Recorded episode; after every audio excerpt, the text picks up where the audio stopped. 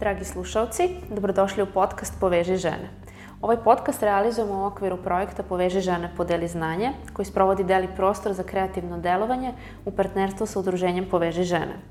Projekat Poveži žene podeli zdanje odobren je uz finansiranje u okviru javnog konkursa za organizacije civilnog društva za predaju predloga projekata u sklopu projekta Platforma za odgovorno upravljanje financijama, koji je grad Niš raspisao u partnerstvu sa programom Ujedinjenih nacija za razvoj, a finansira vlada Švedske.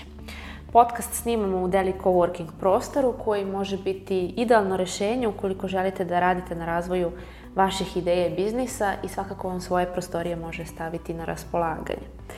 Nakon uspešno realizovanog prvog dela projekta, gde smo u okviru šest motivacionih predavanja govorili o najbitnijim koracima ka preduzetništvu, drugi deo projekta je posvećen e, predstavljanju biznisa koji su neke osnovne lekcije i neke naprednije već uveliko primenili i godinama uspešno posluju. Sve naše aktivnosti možete pratiti na sajtu Deli prostora Udruženja Poveže žene kao i na našim društvenim mrežama. Kada govorimo o biznisu, svi se nekada susretnemo sa situacijom da neke stvari možda ne, mož, ne možemo prevazići sami ili da jednostavno na nekom životnom polju zapnemo. E sad, umesto da u tom trenutku lutamo na sve strane, možda je rešenje da potražimo pomoć. Moja današnja gošća je Jelena Ignjatović. Jelena je osnivač Fit and Happy studija u Nišu, koji uspešno posluje skoro punih pet godina. Ona je kao jako mlada postavljena na menadžersku poziciju i bila je u prilici da uz sjajnu mentorku radi i razvija se u edukativnoj kući Obrazovni informator iz Beograda. Takođe, Jelena je i Teta Healing praktičar i Intuitive and Success Coach. Obe metode su energetske i imaju za cilj da oslobode ljude blokirajućih uverenja i omoguće im da žive svoj puni potencijal na svakom polju. Jelena će govoriti o svojim metodama rada, benefitima, izazovima i prednostima, kao i o tome kako je svoju strast i ljubav prema ovoj temi uspela da pretoči u posao. Jelena, dobrodošla. Bolje vas našla. Na samom početku da izrazim ogromnu zahvalnost i zadovoljstvo što postoji ovakav projekat uh, u gradu Nišu i generalno u našoj zemlji uh, i da izrazim divljenje uh, zbog ovakve ideje. Hvala ti puno i hvala ti na odvojenom vremenu. Verujem da će tvoja priča a, zaista biti inspirativna našim slušalcima da se oni pokrenu i da neke svoje ideje dalje razvijaju. Ali evo za početak nas ti možeš ovaj, uvesti u tvoju priču i kako je izgledalo osnivanje Fit and Happy studija i šta je zapravo to čime se ti baviš? Pa evo ovako, sam početak e, Fit and Happy-a je zapravo u momentu kada sam ja već rodila drugo dete. U Nišu sam, preselila sam se, inače sam iz Beograda, ovde sam se udala. I e, taj posao koji smo pomenuli u obrazovnom informatoru je sad već malo postao teži, jer nisam ovaj, u prostorijama i po, jednostavno se pojavila potreba da sva znanja koje ja imam e, negde sada samostalno ovaj, proširim.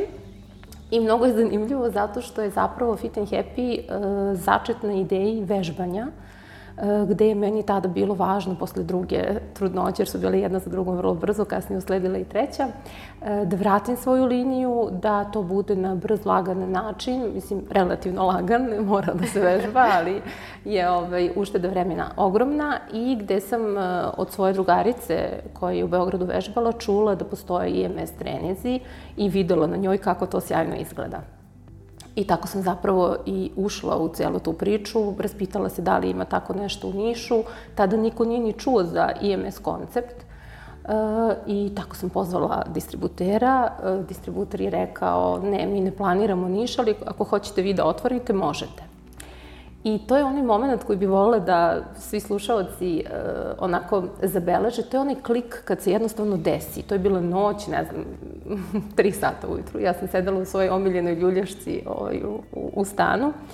I do 5-6 ujutru sam ja već ispisala sve moguće. Znači, imala sam informaciju koliko košta aparat u koji treba uložiti, Uh, već sam pogledala po oglasima što ima slobodno od prostora. Oni su mi rekli treba vam prostor do 30-40 kvadrata, treba vam to, treba vam to. I u šest ujutru je moj suprug ustao za posao i rekao, vidi ti kad sediš u toj ljuljačci, ja znam da ide nešto veliko, a posebno budna u ovo doba. E, I bukvalno za nekih možda pa dva meseca Eto, za dva meseca ja sam realizovala kompletnu priču. U tom momentu ljudi ne znaju šta je trening putem elektrostimulacije mišića, ja ne znam o čemu se radi. Nalazim trenere koji će da se bave time, ovaj, koji su završili DIF, znaju sve oko vežbanja, ali isto prvi put čuju. I to je bio jako zanimljiv početak kada stiže ta oprema i kad mi treba nju prvi put da probamo u sve moguće ovaj, šale i, i radoznalost da vidimo o čemu se radi. I uglavnom, e, sad malo da se približim ovom delu, ja dajem naziv Fit and Happy zato što fit deo stvarno e, nije deo mene. Znači, ja nisam stručna za taj posao, to sam i rekla distributeru kad sam zvala, oni su me pitali jeste li dobar menadžer, ja kažem ako sam u nečemu dobro, u tome jesam. Kaže, to je dovoljno, e, pronađite trenere koji su stručni za ovaj deo. Tako da i to jako važno da ljudi znaju, ne možemo sve u svakom trenutku znati. I, e, I ja često, čak i za, svoju, za svoj lični ovaj, posao, imam to kao, ali još samo ovo da pročitam, još samo ovo da čujem, još, znači nikad nam nije dovoljno ovaj, znanja, e, ne, moramo uploviti nekad, bez, nekad i bez dovoljno informacija. Tako sam ja ušla u to polje i e, postavila da se zove Fit and Happy zato što je tada moja ideja bila, a sada se ona još više i proširila, da čovek da bi bio srećan, on stvarno mora da bude i fit. Šta to znači fit? To ne znači da mi imamo 60-90, 90-60-90 mere, ne. To znači da vodimo računa o sebi, da se zdravo hranimo, zdravo u smislu šta nama odgovara, E, da vežbamo, da pokrenemo telo, jer telo to traži od nas. Ko je tačno e, naš najbolji način da se pokrenemo, to sami izaberemo. Da li je šetnja, da li je teretana i dizanje velikih težina, da li je e, elektrostimulacija mišića, nije važno, ali je jako važno da bi se dobro osjećali. Kada zadovoljimo te osnovne fiziološke potrebe i te osnovne potrebe čoveka, onda idemo u ovaj drugi deo gde, tebe, gde treba i dobro da se osjećamo, gde treba da imamo dobro raspoloženi, gde treba da imamo volju za rad i sve ostalo. Eto, tako je počeo taj moment odakle je Fit and Happy. Onda se umeđu vremenu razvijao, gde smo mi ovi dobili stvarno puno klijenata. Jako brzo, ja sam ubrzo morala da dignem kredit da kupim i drugi aparat, ovaj, što je onako bilo isto teško za odlučiti u tom momentu ovaj, da li ili ne i e, vremenom sam ja išla na te edukacije koje sam ja želela još da, da završim i da, to kao što je Theta Healing, e, Intuitive Success Coaching sam završila među vremenu, čak i NLP, neurolingvističko programiranje, kako bih mogla da radim sa ljudima na ovom drugom happy delu, što bi mi rekli. Celokupan jedan proces. Tako je, da bi danas došli do toga, tako i baš ove godine će se to promovisati, e, da je Fit and Happy zapravo centar za negu uma tela i duha. I to je onako moja ideja, e, baš da, da svima omogućimo da mogu na jednom mestu da eto, da kažemo, ispune svoj život i da se osjećaju bolje i da rade bolje.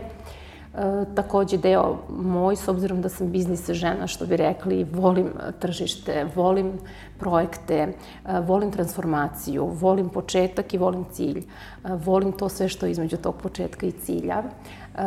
To, je, to se produbilo tako što su zapravo, tako sam i privukla svoje klijente koje su u principu najviše biznis ljudi, imam i muškaraca, naravno žena više, e, gde je zapravo moj zadatak da ih podržim kako dalje da se razvijaju, posebno kako da izbalansiraju, čak i muškarci, verujte, i oni imaju taj izazov, a žene pogotovo, kako da izbalansiraju i porodični život, i decu, i svoj posao, i pre svega toga mi to na kraju pomenjemo, čak i ja dok sam nabrajala sam na kraju pomenula, pre svega toga je kako da žena zadovolji svoje potrebe, e, kako da bude ona srećena i ispunjena od ovih osnovnih stvari gde vrlo često vi kao majka čućete od svih majki, ja ceo dan ništa nisam jela, ja do šest ništa nisam jela. Znači od najosnovnijeg nekog dela ili kad kažete pa idi prošete, idi trči malo, bilo što kao kad ću ja to da radim, kao da me molim te, nemoj kao da me zasmejavaš, ono kao Znači, taj prostor i vreme u okviru nas i oko nas je jako važno da stvorimo i ja ću sada uskoro, možda rano da najavljujemo, ali eto, raditi jedan divan trening. Znači, ovo nije trening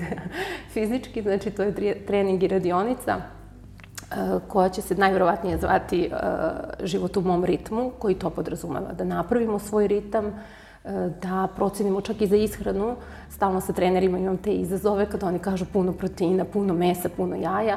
Naravno, slažem se ja da je to sve mišićima potrebno, ali je jako važno kako organizam naš e, reaguje na to I pošto je meni intuicija nešto što mi onako, ne znam, možda najbitnija stvar u životu, u kom smislu. Znači, ne one intuicije kako ljudi zamišljaju treće oko, nego ovaj, uh, intuicije gde intuitivno donosite odluke za svoj život. To bi i za biznis rekla da je jako važno, posebno nama ženama. To je naš dar intuitivno odrediti koja hrana je za vas, intuitivno odrediti ko je klijent za vas, intuitivno odrediti ko je najbolji vaš saradnik, čak i prostor. Kad uđete u prostor, birate prostor za svoj posao i onda uđete onako ste snuždeni, skupite se nekako i nije vam to to, ali toliko imate trenutno para, pa neka bude za sada to. Ne, nikako. Pozajmite 50 evra preko ili šta god da fali, taj prostor mora da bude takav da je vama udobno. Ta haljina mora da bude takva da je vama udobna, u njoj sijete, u njoj stvarate.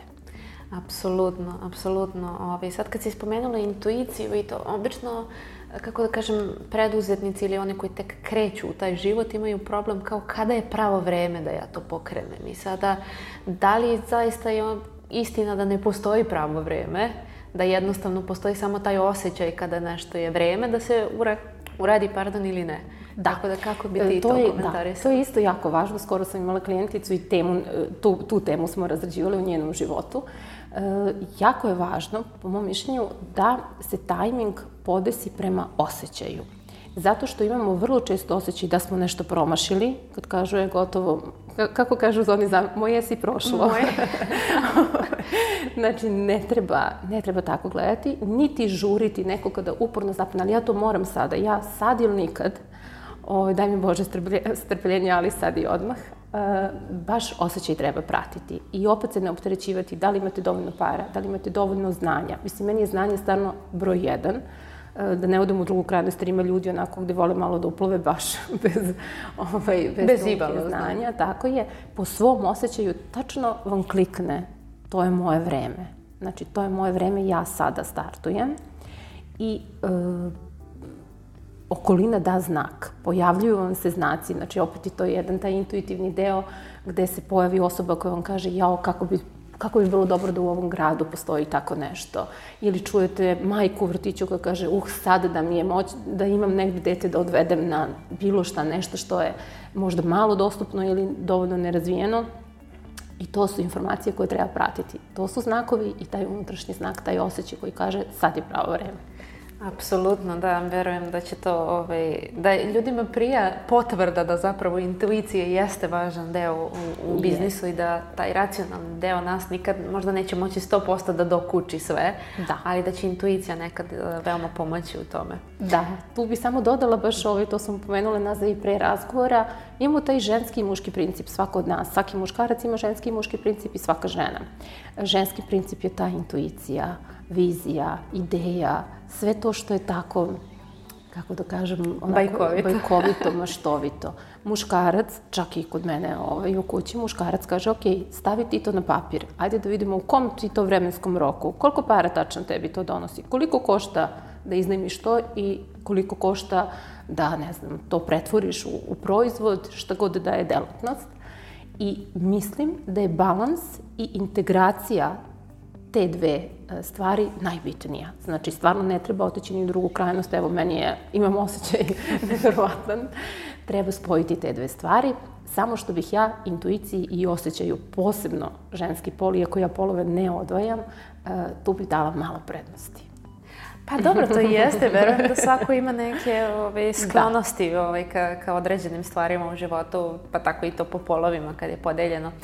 A kaži mi, kada si sad pokrenula, mislim, kada si pokrenula taj studij, koje godine inače pokrenut? 2016. 6. aprila će sada biti uh mhm. -huh. ovaj, pet godina. Uh mhm. -huh. Tako da, I baš sada. I kako je izgledao taj prvi period? To je ono kako ljude zanima, kao šta sad otvorio si studio i kako sad to izgleda dalje? Ja, kako, da te... se kre, kako se stiče uh mhm. -huh. klijentela? Mnogo je zanimljivo. Kad vi recimo uložite vreme, novac, energiju, sve to tako posložite i tog dana prvi put otvorite vrata ili sad u ovo digitalno doba otvorite profil, otvorite sajt i kao 3-4 sad. I e, zanimljiv je moment gde vi napravite neko otvaranje. Znači, jako je važno napraviti otvaranje. Zašto? Otvaranje može biti i ovaj, online otvaranje. Zato što mi tada dajemo znak pre svega univerzumu da smo spremni. Znači, ja se otvoram danas za primanja klijenata, primanja šta god da je, opet kažem, ovaj, delatnost kupaca. E, I onda e, jednostavno, to je prvi znak koji dajemo, jer ako ste vi zatvoreni, ako ste vi uštogljeni, ako ste u strahu, može najbolja reklama da kruži gradom, ništa niste uradili, apsolutno.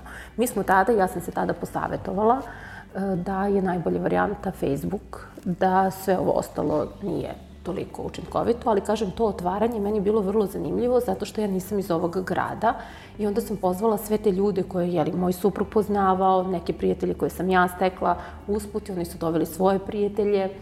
Čak sam recimo eto pozvala i ženu kojoj se inače jako divim Ljilja koja drži ovaj, salon Medeja, jer smo imale tako lep klik i bilo mi je važno njeno mišljenje i um, tako se to, ne, ne umem čak ni da objasnim kako je to bajkovito bilo. Čar, čarolija je nastala. Ljudi su ispričali, zamislite, obučite odelo na sebe i oni vas isprskaju vodom.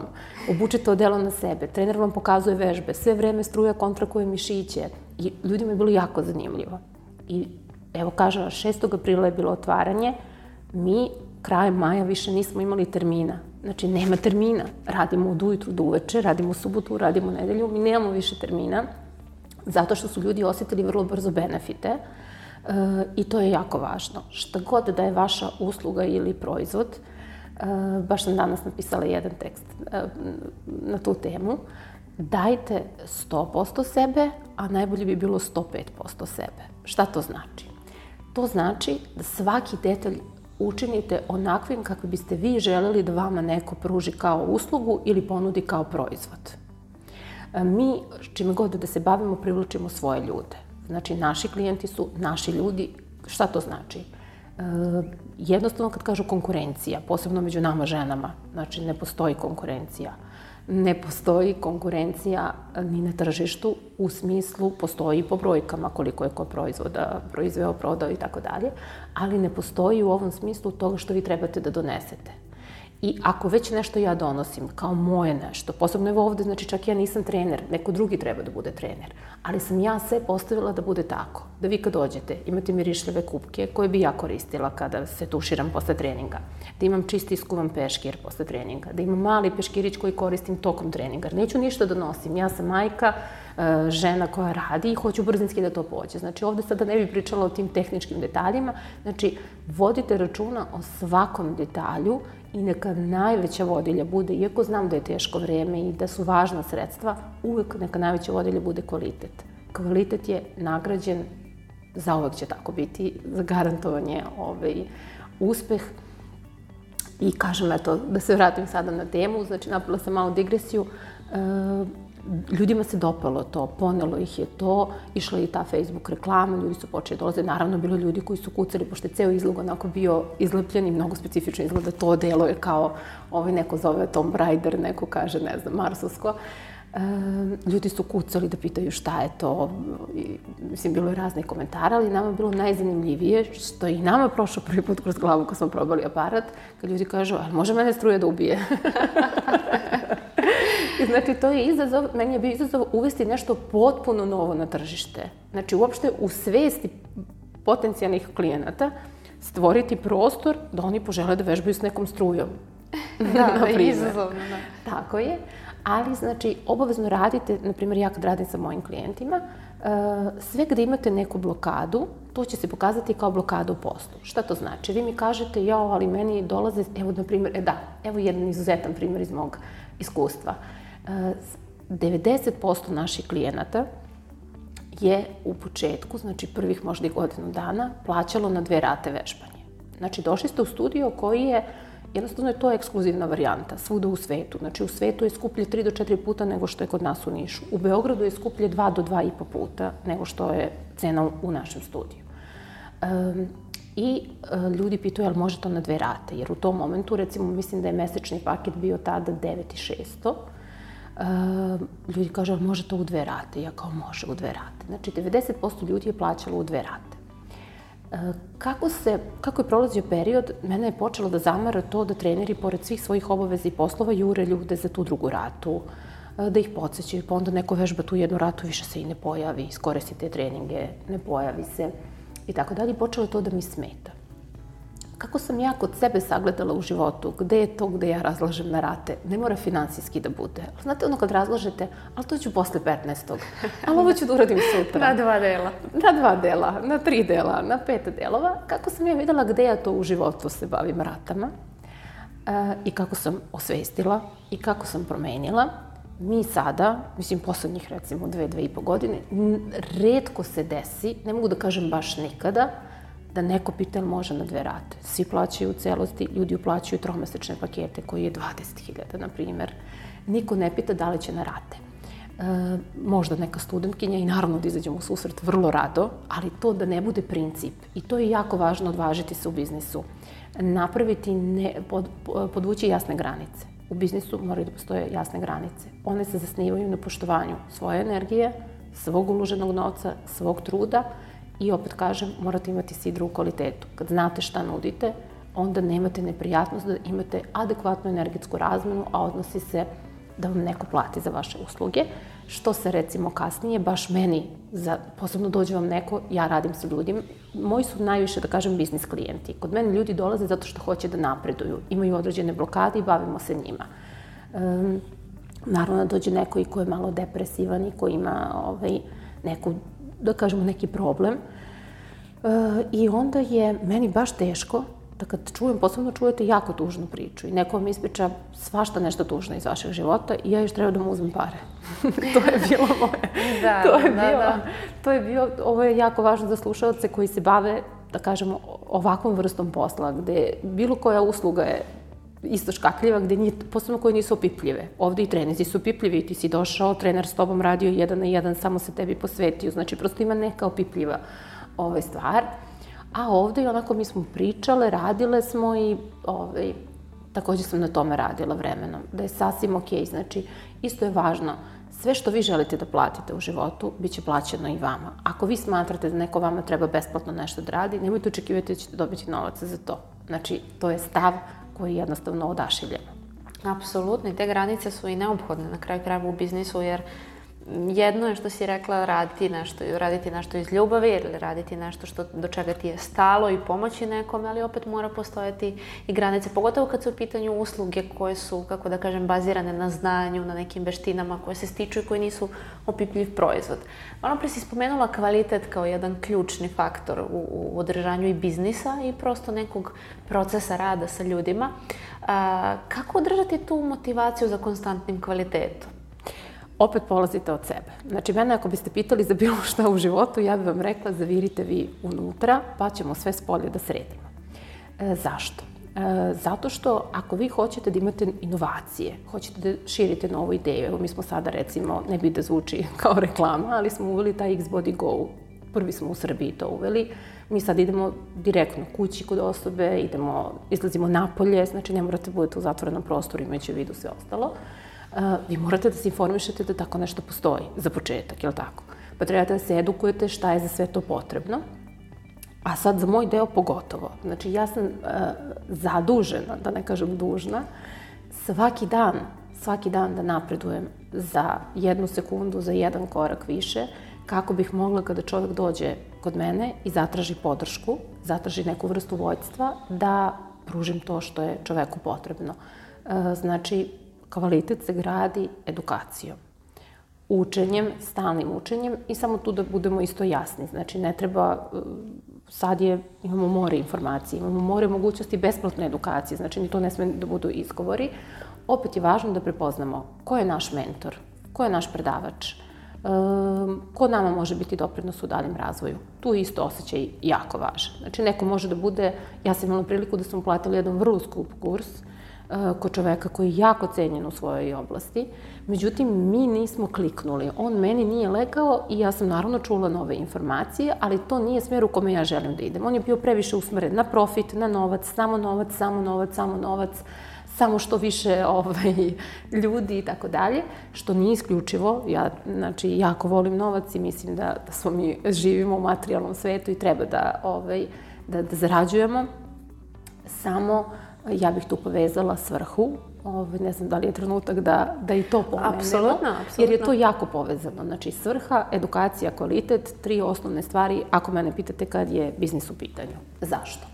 E, svrha, kad kažem život sa svrhom i biznis sa svrhom, e, odnosi se na deo gde je svako od nas rođen sa jednim posebnim kodom. I to je, to je najbitnije. Najbitnije, ako može jedna rečenica da bude preneta iz ovog našeg razgovora, to neka bude ova.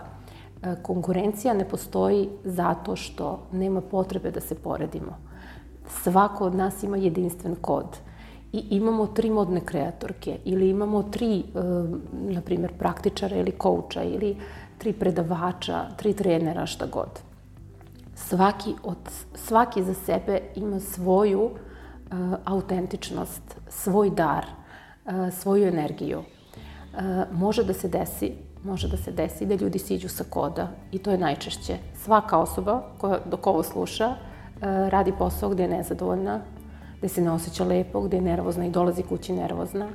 Svaka osoba koja ima diagnozu uh, koja je uzrok stresa i uzrok, uh, to je posledica stresa i, i okruženja koje nije adekvatno, nije na svom kodu. Sišla je sa svog koda, zašto? Zato što joj je rečeno, vidi, u današnje vreme u Srbiji kako ti možeš da radiš ili razvijaš svoj posao? Odakle ti ideja da se ti zapostiš tu? Pa tu ide samo preko veze. Znači, svako od nas je rođen sa svrhom, svako ima priliku da je živi. Ako se držimo te svoje svrhe, to ne znači da si treba da budemo, ovi skoro me baš drugarica pitala, jer mi sad sve treba da budemo preduzetnice. ne mora, ne mora da budemo sve preduzetnice, ali taj posao koji živi, radite u okviru drugih kompanija je važno, tačno osjećate da je to najveći doprinos koji vi možete dati svetu. Znači, sutra se završi vaš život i vi kažete da, ja sam radila taj posao, na primjer može biti socijalni radnik, može biti, evo može biti i žena koja radi u pošti na šalteru, da bude žena koja je na najlepši mogući način isplatila sve moguće penzije penzionerima sa osmehom, obradovala ih, e, šta god. Znači, može biti bilo koji posao koji može delovati tehničke prirode. E, svako od nas treba da ga radi na najbolji mogući način da bude povezan sa sobom, da tačno ima, zašto, zašto je ovo važno? Svrha se ne menja u životu, ali se menjaju kanali kroz koji mi nju živimo. I vrlo je moguće da vi 10 godina radite jedan posao i potpuno promenite poziv. Posebno u današnje vreme kad vi možete da se edukujete ozbiljno i da se prekvalifikujete za čas posla, uvek pratite osjećaj. Ako ste nervozni, ako nije to, nije to to, vreme je da se to menja. Ako živimo svoju svrhu, adekvatno se edukujemo i pružamo kvalitet, da li kroz uslugu, da li kroz proizvod i tako dalje, e, imamo i dalje izazove životne, da ne bude ovi zabune. Samo vi ste onda na svom kodu i sve deluje potpuno drugačije. Kad siđete sa koda, najbanalnija stvar, da odete do posla, šta god, je vama užasna i nezamisliva zato što niste na svom kodu, ne sijate ono što, što, što treba. I zato opet kažem, što se tiče poređenja, najgora stvar koju možete uraditi sebi, svom detetu, svom dečku, ovaj, moj bivši bi danas naš kakav poklon spremio, ili tako nešto, nemojte to raditi. Nema poređenja, svaka osoba u našem životu čak ima svoju svrhu, svaki posao i svoj jedinstven kod. Apsolutno. Mislim da će to biti jedna, kako kažemo, hrabrovića poruka za ljude koji se uh, brinu pa kako ću na tržištu već postoji isti proizvod, već postoji ista usluga, kako ću ja sad sa tim. A kaži mi, da li si ti imala neke izazove u smislu, kako si se nosila sa izazovima biznisa i, i svojim ličnim, kako izbalansirati ta dva, kako ih prevazići? Pa eto, meni se čak desio taj zanimljiv moment, ja sam od uvek volila da bude majka puno dece. I e, mi jesmo planirali porodično da za početak imamo troje dece, što bih ja rekla. Ove, ovaj, ali nismo mislili da baš tako brzo ide. Ja imam troje dece, razlika između njih je po 20 meseci, znači za tri i po godine sam rodila Srnu, Konstantina i Galu. I moment kada sam otvorila je 6. april. Ja saznajem uh, početkom maja da sam trudna s trećim detetom. Znači imam dva vrlo mala deteta. U tom trenutku uh, Konstantin ima, uh, tek je napunio godinu dana, Srna ima dve i dve i po i ja sam trudna. A biznis je tek krenuo. I imala sam sjajnu, sjajnu ekipu oko sebe i baš sam zahvalna koja je to tako lepo primila u smislu da su znali tačno gde je važno da budem ja. Isto i ovo moram da, da kažem kao bitno. šta god da radite, kad pričamo o ovoj svr svrsi i doprinosu, jako je važno da ste na poziciji, čak i u svojoj firmi, i da se bavite poslovima gde vi možete dati najveći doprinos. Znači, nemojte ići u nabavke i nemojte ne znam šta raditi ako to nije deo vašeg posla, trošite energiju, to će neko mnogo bolje uraditi, a vaše je mesto na tu gde treba da budete. Tako da sam tu imala sreću da oni to prepoznaju, da osete i da me prilično sačuvaju, posebno ja sam celu trudnoću radila, ali e, kad sam se porodila, to je bio treći porođaj za tri i po godine i e, baš mi je onako trebalo malo da se sklonim, malo da ovaj, uživam u svemu tome i naišla sam na sjajnu podršku.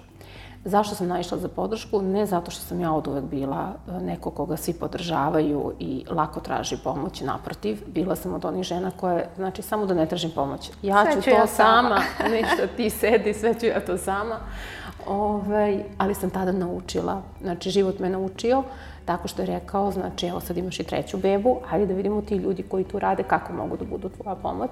I stvarno su bili i mnogo im hvala. E, I e, tad, u tom trenutku, naravno da je bilo, uspavam decu, pa onda uđem na grupu, mi imamo Viber grupu, da se informišem šta je tačno bilo, da odobrim, da, ne znam, zakažem, prezakažem ako treba nekoga, u zavisnosti da li, da li su to oni uradili ili nisu.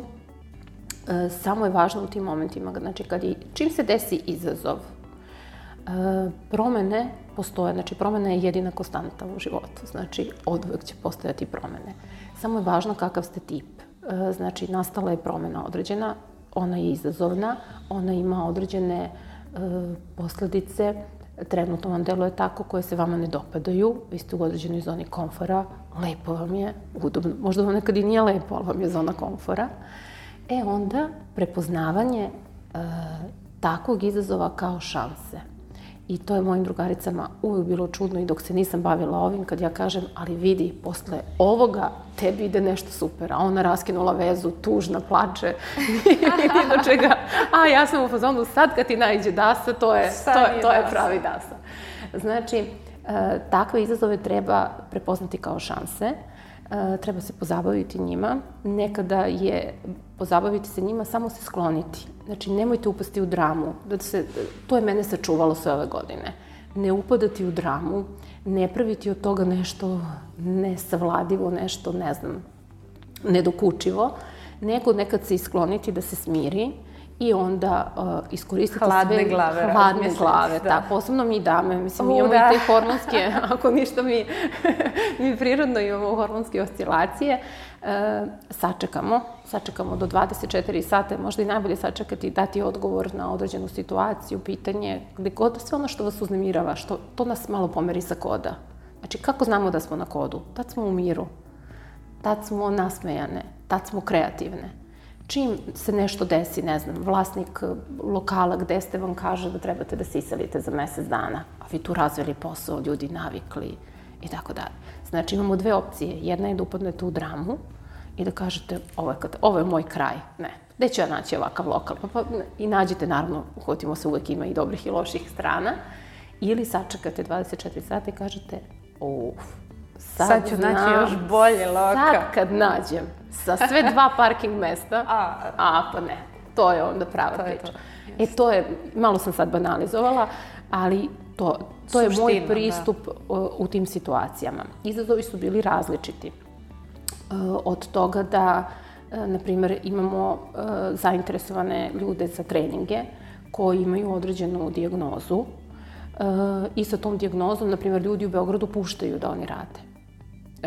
I taj moment povući crtu, da li pustiti, uzeti novac ili odbiti.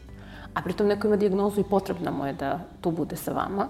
E, tu sam, ja sam recimo to rešavala tako što zamolim da idu kod svog doktora koji vodi njih, objasne o čemu se radi, jer opet kažem, specifična je jer ljudi ne znaju da to postoji, Ove, objasne o čemu se radi i onda smo, na primjer, saznali, ne znam, za usporeni rad hipotiroidnu žlezdu, da je sasvim okay, da je i dobro da bude, ovaj, da se vežba sa strujom.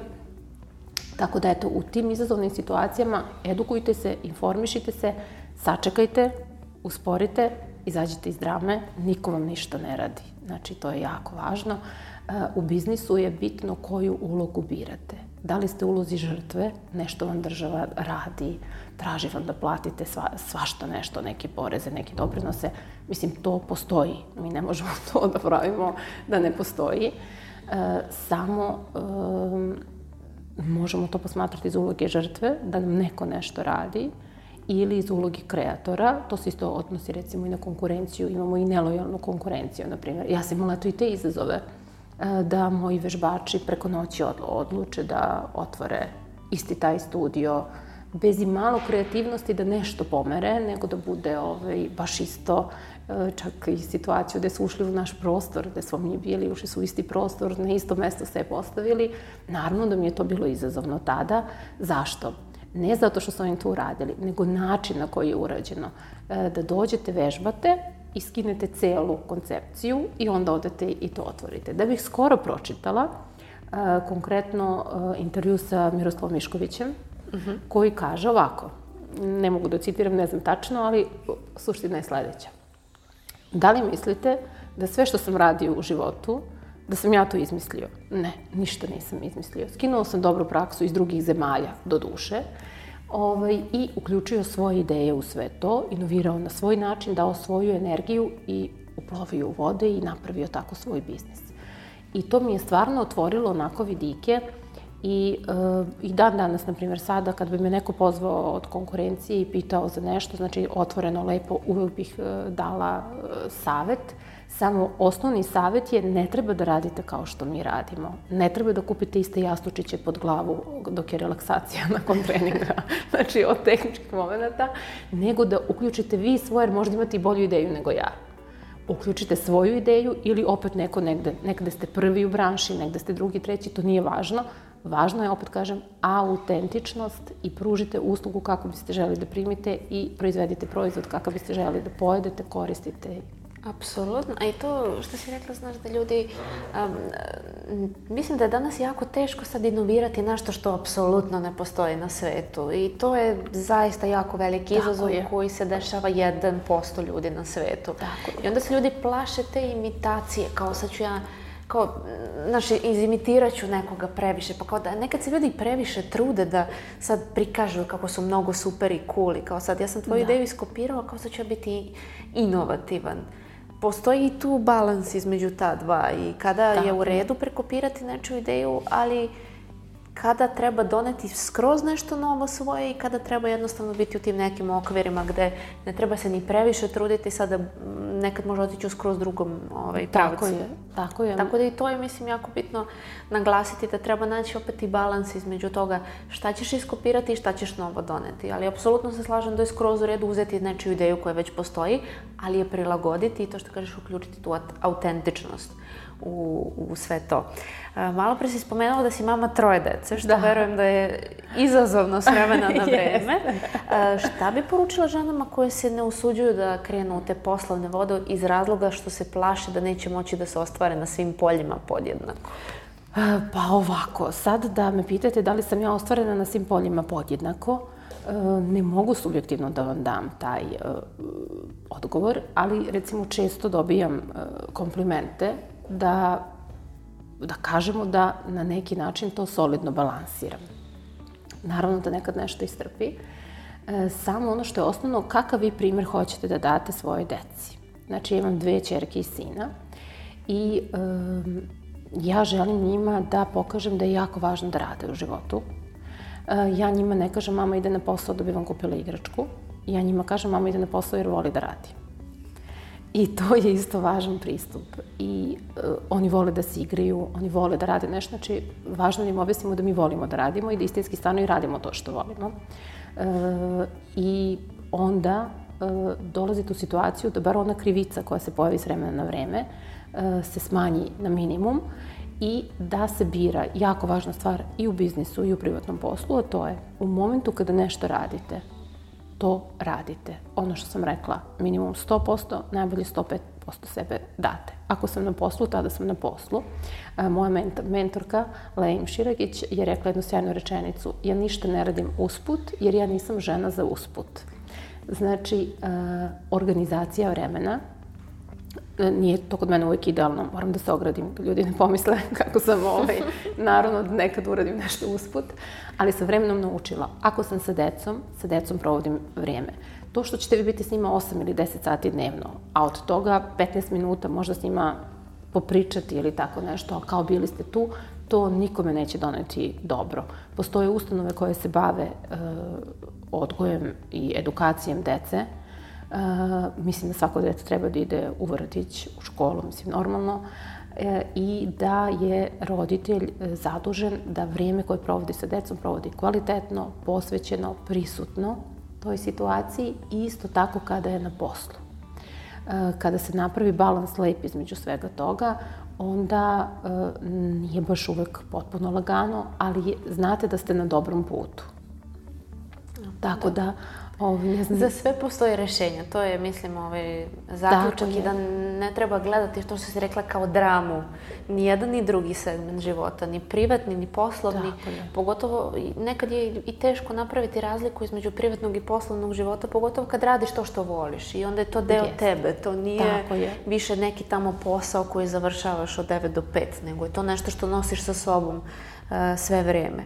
Tako je. Uh, I još jedna rečenica dok smo tu, izvini. Um, mog sina su pitali skoro čime se mama bavi, šta mama radi i on je rekao, znate, ako ste recimo tužni ili uh, hoćete da uradite nešto wow, ona tu zna da vam, ona tu zna da vam pomogne. Mama reši. I mene je to toliko dirnulo, ja nikada s njima nisam pričala, znači ja mu nikada nisam tako nešto objasnila, ali on video i čuo recimo i od naših prijatelja sa kojima ja ovaj, radim coaching, na primer, i uh, deci to znači stvarno deci znači šta god da radite, e, opet kažem da je deo vaše svrhe, prenosite im dobar primer e, i to je zdravo za svaku osobu, znači da se ostvari sve ono gde ima potrebu. Apsolutno podržavam i žene koje kažu ja sam majka, prije mi da budem majka, e, želim da budem podrška mom muškarcu, e, nemam ništa protiv toga, nađite hobi. Znači, negde mora da postoji taj još moment, pored toga što gajite decu, nađite hobi potpuno ovaj, ne mora da bude tržišno orijentisano, ali nešto gde se izražavate, to smo isto malo prepričale, ta čuvena štitna žlezda kod žena, ovaj, to je ta grlena čakra, jako je važno da se izrazimo. To ne mora da znači kao je to recimo Sara u vašem poslu, da se vi izražavate baš rečima, neko se izražava slikanjem, neko se izražava pevanjem, ali se izrazite. Jeste, to je jako, jako bitno, jer to, ta, ta nakupljanje te energije kad hoćete nešto da kažete, ali ne znaš kako, e, to posle dovodi do toga da kreneš da plačeš zbog gluposti, koje da. u suštini nema veze sa tom, ovaj, sa tim događajem, nego sa nečim deseti.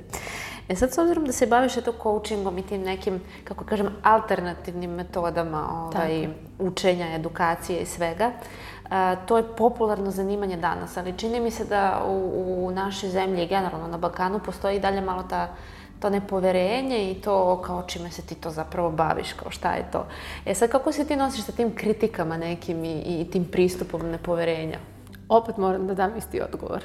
Kad rešimo to u sebi, e, mi jednostavno u okruženju imamo ljude kojima je to normalno, okej, okay, um, ako ja recimo smatram da je to čudno, za sve što sam smatrala da je čudno, a bilo je stvari stvarno koje su i meni bile čudne, postoji i dan danas e, recimo u teta healing e, tehnici neke stvari koje meni su čudne i ja taj, u taj deo ne zadirem, dokle god ne sazrim.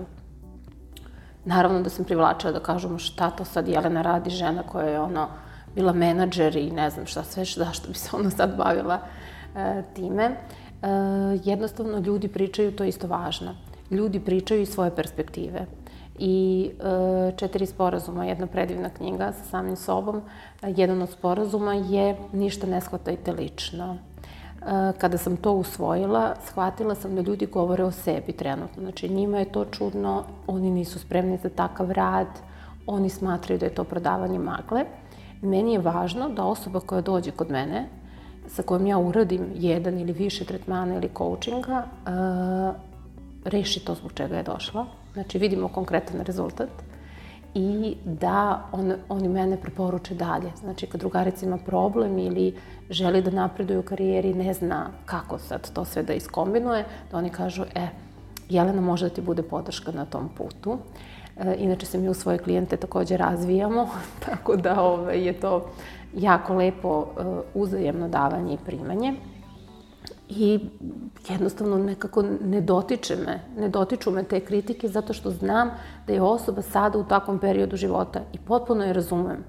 Ja ću čak i reći sad da neko sedi ovde preko puta ili da, na primjer, nisam imala ovako veliku sreću, mogu reći, i da kaže čekaj bre, šta je s tobom i tako dalje. Ja bih rekla, potpuno razumem ovaj, vaš ili tvoj stav. Um, samo evo ja, ja mislim da je to dobro i onda dam konkretne neke svoje rezultate ili rezultate e, svojih e, bližnjih. I eto tu sam, malo pre smo to spomenuli, e, kada sam radila sada sa jednom kancelarijom javnog izvršitelja, radila sam sa zaposlenima, I to mi je bio veliki izazov. Zamislite vi kad se bavite poslom takvim, da vama neko, kako uđe na vrat ili vas pozove telefonom, psuje majku. Njihova je stvarno specifična. Znači, tamo sede ljudi koji su diplomirani pravnici, ovaj, mahom su morali da položi pravosudni ispit. I zamislite jednu kancelariju notara, javnog beležnika, gde se to overava, ljudi dolaze, mislim, nema nekog preteranog stresa. I odmah kancelariju pored gde ja, gde je javni izvršitelj i gde ljudi plaču, kunu, psuju i tako dalje. I tu sedi isto jedna majka, jedna žena, jedna čerka čiji je roditelj bolestan i ona je dužna da sluša kako je neko psuje i kune, a taj neko nije plaćao struju godinu i po dana, isekli su mu, utužili ga i sve ostalo i on je za Boga e, jako ljut na državu zašto se to desilo. Ovaj, e, tu mi je bio veliki izazov, e, veliki izazov, ovde sad pričamo o coachingu konkretno, naći metode, alate konkretne, kako one da iskomuniciraju sa takvom osobom.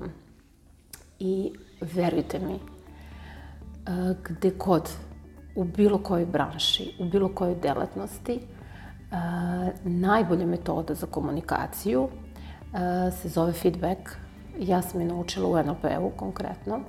I ona podrazumeva sledeće. Da kažete sagovorniku njegove dobre strane. Jer šta se desi? Neko dođe i napadne vas. Vi ste u situaciji da uzvrćate napadom i da kažete na šta to liči, vi meni tako i tako dalje vi nađete neku dobru stvar, iako osobu ne poznajete. Na primjer, kažete, ovo, ja vidim stvarno da ste vi žena ili čovek uh, u godinama i znam da je za vas neprijatna ova situacija. Znači, i, uh, damo empatiju.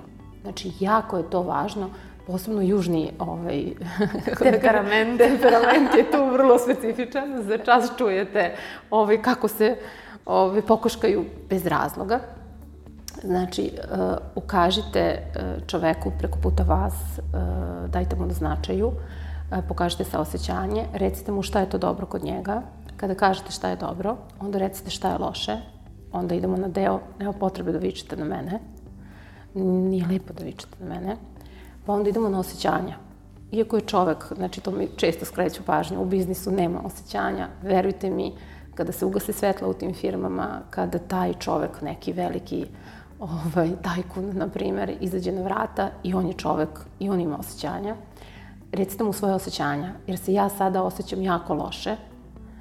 Uh, sledeći, sledeći korak, u tome ne znam da li ću uspeti lepo da, da prenesem, znači prvi korak je recite lepo čoveku što imate, recite to loše što vam smeta, treći, iskažite osjećanja kako se osjećate zbog tog lošeg, četvrto, dajte predlog kako to može drugačije. Znači, odmah ulazimo u predlog i kažemo, evo sedite, sad ćemo da vidimo na koji god način možemo, sada kakva je situacija. Znači, ona ne može da se vrati da mu plati struju. Ona ne može da se vrati da on ne dozvoli da ga još utuže i tako dalje, ali da vidimo sada kako možemo da pomognemo. I peto, kažemo zašto je to dobro. Dobro je zato što ćemo rešiti vaš problem na najbolji mogući način i ja ću se na poslu osjećati lepo i mirno i sigurno i uspeli smo. Tako da, eh, eto, to uživanje koje ja osjećam, na primjer, dok radim taj posao i te rezultate koje ja vidim posle toga su meni, e, ne znam, najveća satisfakcija, najveća podrška i zato do mene jednostavno me ne dotiče kada neko uputi takvu opasku ili kritiku vezano za ovo zanimanje, zato što mislim i to razumem. Danas ima raznih e, varijanti e, svi su na neki način ovaj, odlučili da se bave, posebno life coach je posebno onako negde kad se kaže ta reč, čak i ja ovaj, ne volim da, da, da, da je koristim. E, opet i za te ljudi, i ti ljudi su nekome doprinos, samo je važno, ono što ja kažem, kada kod mene dođe ljudi koji imaju e, neku, da kažemo, dijagnozu konkretnu ili kliničku sliku, e, moramo znati dokle jeste naš ovaj deo, odakle počinje, znači dokle je naša odgovornost, odakle počinje odgovornost nekog drugog stručnjaka. E, tako da, eto, otprilike, ta moja ljubav u, u svom tom radu, to moje zadovoljstvo, znači, a, ako je nešto od meni najbitnije u životu, to je transformacija. E, kada vidim transformaciju koju god, da li to bilo u fizičkom izgledu, da li to bilo e, u osmehu, znate kada vam se neko smeši, jako je prijatelj, ali ima onaj grč i vidiš tačno, mislim ja bar vidim i osetim da ga nešto muči i kada on posle određenog perioda rada na sebi, ne mora da bude nužno ni sa mnom, ja svim svojim prijateljima delim i kažem i obavezno kažem i posle coachinga, na primjer, šta je to što taj čovjek može da radi kući, jer meni nije pojenta da vi meni dolazite svake nedelje Znači, ja onda ne radim nešto što... Ovaj... Pa i lepota, ja mislim u tome da nekada taj transformacijski period, proces zapravo dođe i od osobe same. Jer on mora spoznati... Uvijek je do osobe, tako je. Nije ni pojenta da ti sad daš nekome rešenje, odmah evo tako ti uradi je. to i to. Čak i da daš rešenje ukoliko se to ne ispuni, opet nema, ovaj, tako je. nema nekog efekta. Čak ja i nisam tu za rešenja. Eto, to isto da... To ti si samo asistent pri rešenju. Tako je. Ja sam asistent koji je tu da vas vodi do vas Znači, to, si, to si lepo da Ja sam tu da vas vodim do vas, da pronađete sebe. Zašto? Posebno, opet kažem, ali ne mogu da izdajam muškarce, kada smo stvarne, kada smo stvarni, onda stvaramo. I to je najveća istina. Što ste iskreniji prema sebi, što ste realniji, znači u, to, u toj ideji, u tom sprovođenju, nije bitno što 10 ljudi u gradu to radi. Znači, vama se to dopada, vi osjećate da je to to. Samo budite stvarni u svemu tome. I stvarate magiju. Jednostavno privlačite obilje svega i ljudi i novca, apsolutno svega. Da, lep, lep zaključak. Evo taman stižemo i do tog poslednjeg dela. Šta bi ti poručila ženama koje bi se oprobale možda u istoj oblasti kao ti ili u nekoj drugoj vrsti preduzetništva? Prva stvar, informišite se. Druga stvar, edukujte se. Uh, učite, učite, učite, učite. Ja sam bar taj tip, ne mora da znači da mora stalno, ne treba ni preterivati sada sa kursevima, sa seminarima i tako dalje. Ali kada imate znanje, jer šta je poenta? Uh, mi s jedne strane imamo rad, rad, rad. S druge strane imamo znanje, znanje, znanje. Kako to izgleda? Ne kažem da što više znate, manje radite, ali što više znate, kraćim putem ćete doći do, neko, do neke informacije, do nekog produkta, šta god. Znači, informacija, znanje, autentičnost. Znači, eto, ako bih mogla tako, ta autentičnost će napraviti ovo da kada smo stvarne, tada stvaramo, budite iskrene prema sebi, budite realne, ono što smo mi malo pričali pre nego što smo ovaj, započeli ovaj zvanični deo. Uh, kao male nas još usmeravaju negdje kao ti da budeš glumica, eto ja sam recimo mnogo volala da budem glumica i moja porodica, toliko ne i tata koliko bake, deke, mislim mama onako nije, ali uh, ti da budeš glumica, pa to je strašno, pa ti u Srbiji ne možeš da budeš kakva glumica, ti možeš da budeš u Srbiji i tako dalje. Ima tu istine, mislim naši glumci znaju koliko je teško biti glumac ili glumica u Srbiji, ali uh, ja sam imala tu potrebu da kroz svoje izražavanje nekome ulepšam dan. I recimo da sam bila glumica, definitivno bi glumila u komedijama, na primjer, da ljude nasmejem i sve ostalo. I evo sad sam nekim drugim putem opet došla do toga da je moj zadatak e, da ljudi budu svoji, da budu stvarni, nasmejani i ja sam tu samo podrška. Mislim da si ti idealno povezala sve ono što voliš, sa, da si to uspela da, da pretočiš u, u biznis, ali da ga gledaš zaista kao nešto što ti je jako drago i što je na kraju krajeva, ja mislim, i poenta preduzetništva, to sam ja i u prethodnim ovaj, podcastima i razgovorima govorila, da poenta pokretanja biznisa treba da bude u tome da ti to voliš i da je tebi stalo do toga. Finansijski deo je naravno sastavni deo biznisa svakog, ali ukoliko pokrećeš nešto samo zbog novca, to ti je isto kao kad bi radio u nekoj firmi samo zbog novca. Samo što ćeš ovdje imati još deset puta više obaveza. Tako. Tako da mislim da si lepo zaokružila tu priču kako si ti uspela da ono što voliš, ovaj, pretvoriš u, u posao, a i da i dalje tebe to ispunjava i da od toga živiš na kraju krajeva. Tako. Jelena, hvala ti puno na, na ovom inspirativnom razgovoru. Hvala ti na vremenu, jer danas vreme košta jako puno i bitno je da, da, da pričamo i ovakvim stvarima. Dragi slušalci, vama hvala na vremenu takođe i nadam se da će vam Jelenina priča pomoći da neke svoje ideje pokrenete, da, da radite na nekim svojim željama i snovima, a mi se slušamo veoma brzo.